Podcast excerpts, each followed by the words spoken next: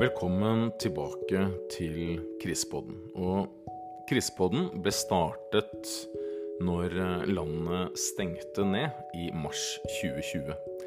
Og jeg husker det veldig godt. Jeg hadde fått eh, booket opp flere år fremover med kurs, rådgivning og kompetanseprogram innenfor det som jeg jobber med, nemlig krisehåndtering, konflikthåndtering og organisasjonspsykologi. Og plutselig så ble absolutt alt vi hadde jobba for i mange år, avlyst. Og da satt jeg der med notaten til foredragene jeg skulle holde på ulike konferanser. Så for meg så var det naturlig å ta med det i studio. Og ikke bare ta det med i studio, men også lage et studio og lage en podkast. Og dele nettopp de refleksjonene. Og den første sesongen av Krisepodden, det var en del av den nasjonale dugnaden. Hvor jeg delte råd, innspill og kommentarer i forhold til det å opprette kultur i en krise. Når vi skal sitte og jobbe over digitale flater. Hvordan vi kan sette krisestab. Hvordan vi møter omstilling og endringsprosesser. Hvordan vi kan Og hvordan vi som mennesker vurderer risiko. Hvordan vi kan kommunisere i en krise. Kort sagt alt du trengte å kunne for å møte den ukjente trusselen vi da sto overfor. Og det som kanskje overrasker meg litt når jeg hører tilbake på de episodene, er jo at vi fortsatt snakker om de samme temaene. Vi snakker fortsatt om hvordan vi skal jobbe hybrid, og hvordan vi skal kommunisere og opprettholde kulturen når ikke vi er på kontoret. Og vi snakker fortsatt om hvordan vi skal forholde oss til risiko, og vi tenker også på hvilke type situasjoner vi står i. Er det egentlig en krise? Så mange av de samme temaene er dessverre fortsatt like aktuelle. Men nå starter vi en ny epoke og ny sesong med Krisepodden. Og det handler om mitt engasjement for å utvikle det vi kaller høypålitelige organisasjoner. Og en høypålitelig organisasjon Jeg har lest om det i mange år, jeg har skrevet om det. Og det var det som slo meg. Det er jo faktisk de jeg jobber for. For jeg heter Roland D. Bråten. Jeg er forsker. Jeg er faglitterær forfatter. Men det jeg jobber med, det er å være en ekstern rådgiver.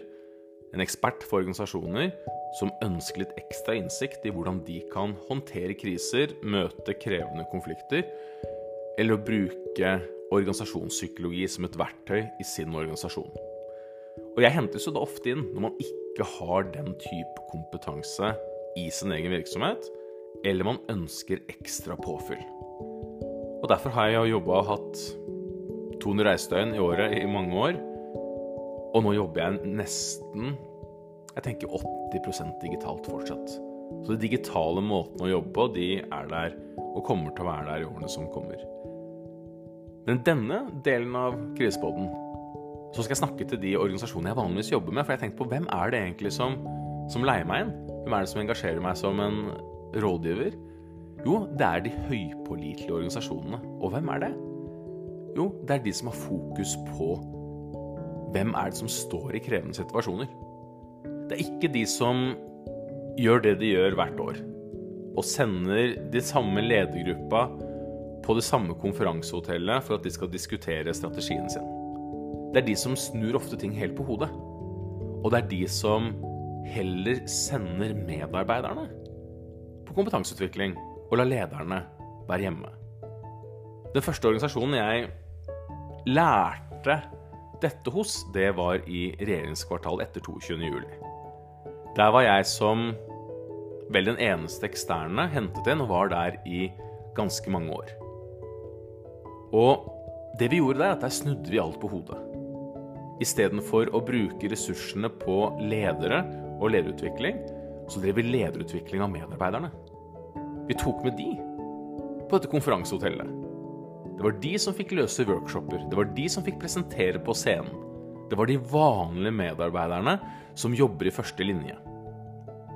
Og hva skjer da? Da oppstår det et engasjement. Og det oppstår en kunnskapsoverføring, og det oppstår en stolthet. Og det jeg kunne se i løpet av de årene jeg var i regjeringskvartalet, så økte refleksjonsnivået hos de ansatte på en måte som jeg aldri har sett før. Og refleksjonsnivå, det vi kaller refleksivitet, er knyttet til vår evne til rett og slett å tenke litt lengre frem i tid. Og jeg snakket om det tidligere på Krisepodden, under det vi kaller situasjonsforståelse. Det å forstå en situasjon. De aller fleste av oss, vi, vi ser det vi ser rett foran oss. Og det er ikke så rart, for det er det vi har fokus på i hverdagen vår. Og så er det noen som klarer å se lengre frem i tid, altså som har en høyere refleksivitetsnivå. De tenker ikke på hva som er til lunsj i dag, eller hva de skal ha møter i dag. De tenker på hva de burde gjøre i dag for å lykkes med de samme møtene om et år. Og veldig ofte så kaller vi de personene ledere. Så de som vi ser som utmerker seg, som klarer da å se frem i tid, de tenker vi ofte det er ledere, og de skal vi trekke fram i ledelsen. Men det jeg har sett opp gjennom årene, er at vi kan få, kall det vanlige medarbeidere, til å fungere på et veldig høyt nivå hvis det er de vi fokuserer på. Og det er jo de som har hentet meg inn. Det er organisasjoner som har et ekstremt fokus på å utvikle de som står i første linje. Og det kan vi tenke er noe som er relevant for oss alle. Om dere jobber med salg eller markedsføring, hvem er det som står i første linje? Jo, det er selgerne. Om dere driver en beredskapsorganisasjon, ja, så er det jo veldig åpenbart hvem som står i første linje. Og hvem er det? Jo, det er veldig ofte de med minst erfaring, som er yngst, og som ofte også har en minst kompetanse. Jobber dere med noe helt annet? La oss si dere jobber med innovasjon. Hvem er det som står i førstelinje? Hvem er det som trenger virkelig kompetansen? Er det toppledelsen? Eller er det de som sitter og prøver å klekke ut de nye ideene? Og jeg tror vi alle sammen kan se svaret. Og det er det denne sesongen av Krisepoden kommer til å handle om. Det skal være motivasjon, det skal være engasjement for de som ønsker å utvikle sin organisasjon til å være en høypålitelig organisasjon. Og da må du ha fokus da på hvem er det som gjør jobben, og så er det det som skal være en viktig del av vår strategi. Når vi setter oss ned da på styrerommet på ledermøtene, så skal vi ha et omvendt perspektiv. Da skal vi tenke på de som faktisk gjør jobben, og hvordan skal vi øke deres innsikt. Fortsatt så kommer nok mange av temaene også til å handle om ledelse. Men jeg tror alle i dag utøver lederskap, og det å møte ledere er noe vi alle gjør. Og det å være ledere, det å utøve selvledelse, er noe vi i større og større grad kommer til å bli nødt til. Og så kommer vi til å også ha noen utradisjonelle tema. For jeg nevnte det at jeg jobber med krisehåndtering, men jeg jobber like med konflikthåndtering og organisasjonspsykologi. For konfliktene de er også en stor del av de fleste virksomheter. Og alt tyder på at de kommer til å møte flere av i tiden som kommer. Så velkommen til en ny sesong og et nytt perspektiv. Hvordan utvikler vi de høypålitelige organisasjonene? Og det første temaet, det handler om de digitale truslene som vi møter i dag, og kommer til å møte flere og flere av i fremtiden.